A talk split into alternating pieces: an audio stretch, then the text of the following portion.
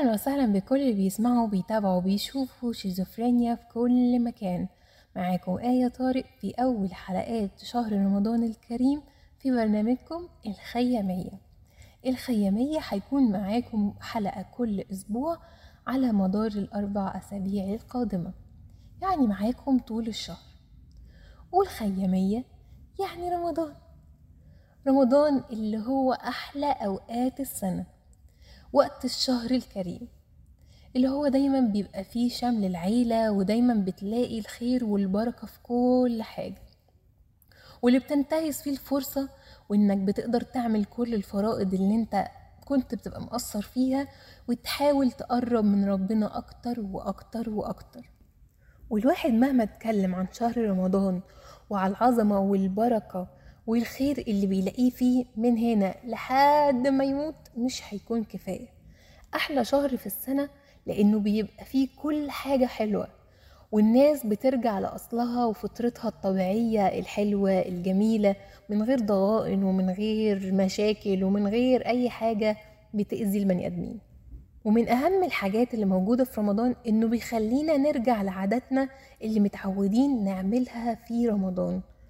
يعني الحاجات اللي إحنا بنجيبها الحاجات اللي مرتبطة بينا فوانيس الخيم ايا كان إيه اللي بيحصل في رمضان فهو ليه أصل وليه يعني من عصور قديمة دلالات إن هو ليه إحنا لحد دلوقتي مستمرين وليه لحد دلوقتي بنعمل الحاجات دي وليه عادات رمضانية لحد دلوقتي من زمان موجودة. يلا بينا ناخد آلة الزمن. ونرجع مع بعض ونشوف رمضان كان عامل إزاي زمان مع كل عصر مختلف. وفي كل حلقة هنرجع لعصور قديمة ونشوف أصل كل حاجة مرتبطة معانا لحد دلوقتي في الزمن ده. وطبعا مفيش رمضان من غير وحوية وحوي الفانوس. وعشان بقى نتكلم على الفانوس لازم نعرف هو أصله جه منين. يعني هو جه إزاي اتصنع إزاي اتعمل إزاي.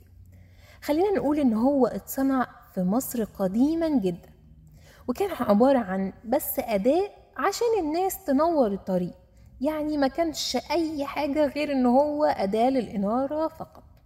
وخصوصا لما الناس كانت بتتحرك بالليل. وبرضه خصوصا أكتر لما كانوا بيتحركوا للمساجد أو إن هم مثلا يزوروا قرايبهم أو أصدقائهم. وبيرجع للعصر قديم جدا جدا جدا وخصوصا عصر الفاطمية. وفي روايتين بيرجع ليهم ارتباط الفانوس برمضان. الرواية الأولى هي إن الخليفة كان بيخرج للشوارع بالليل عشان يشوف الهلال وطبعا الرؤية دي عشان شهر رمضان. وكانت الأطفال بتخرج معاه وكل طفل كان بيبقى ماسك الفانوس بتاعه. وفي رواية تانية بتقول إن أحد الخلفاء الفاطميين أمر الشيوخ بتاعة المساجد إن هي تعلق الفوانيس على المساجد عشان كان حابب إن الشوارع بتاعة القاهرة العظيمة تكون دايما منورة والإضاءة فيها بشكل كبير جدا. دي كلها كانت في العصر الفاطمي فكان في اهتمام شوية بنسبة كبيرة من الخليفة إن هو يعمل حاجة إن هي تخلي القاهرة منورة يكون في نور أكتر من هو يرتبط برمضان. بس اللي خلاه يتأثر شوية إن هو يبقى مرتبط برمضان فكرة إنه بيشوف الهلال. فالناس كلها بتتجمع وبيبقى معاها برضو فوانيس وخصوصا الأطفال وكانوا بيشوفوا الهلال. وفي برضو من أحد الكلام أو من أحد ال ال المؤرخين يعني قالوا إن في موكب كبير جدا خرج من المصريين كانوا على أطراف الصحراء الغربية. وكان كل حد من الموكب ده معاه الفانوس بتاعه. والفوانيس دي كانت ملونة وعشان يقدروا ينوروا الطريق ويستقبلوا دخول المعز لدين الله الفاطمي.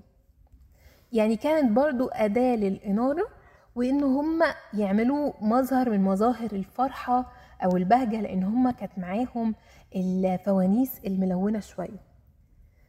بس فكان دايما الفانوس مرتبط أو رمز كبير جدا مرتبط برمضان آه، لأنه في رؤية الهلال مرتبط بالفرحة مرتبط إن الناس بتتجمع مع بعض مرتبط إن الناس آه، بتعمل أي حاجة من المظاهر اللي هي تخلي الواحد يبقى مبسوط وفرحان وسعيد. يعني دايما كان الفانوس مش بس بينور الطريق لا ده كان كمان بينور القلوب بالفرحة اللي كانت فيها. فنقدر نقول من هنا إن العصر الفاطمي هو كان العصر اللي اتصنع فيه الفانوس وابتدى إن هو يكون مرتبط معانا لحد دلوقتي. بس يا سيدي إحنا كنا قاعدين في الخيامية وعرفنا أصل الفوانيس وليه بتتصنع. وطبعا مش هنقدر ننكر إن اللي أكتر ناس بتقدر تعمل الفوانيس المصرية الأصيلة هي في باب الخلق. طبعا الأساتذة الكبار اللي هناك اللي بيعرفوا يظبطوا الفوانيس اللي هي المعدن الأصيلة اللي بشمع اللي مش هتقدر تبعد عن الفانوس ده بشكله الأصلي مهما حاولت تبعد. يا رب الحلقة تكون عجبتكم كانت معاكم آية طارق مستنياكم إن شاء الله الأسبوع الجاي الساعة واحدة الظهر في نفس الميعاد. باي باي.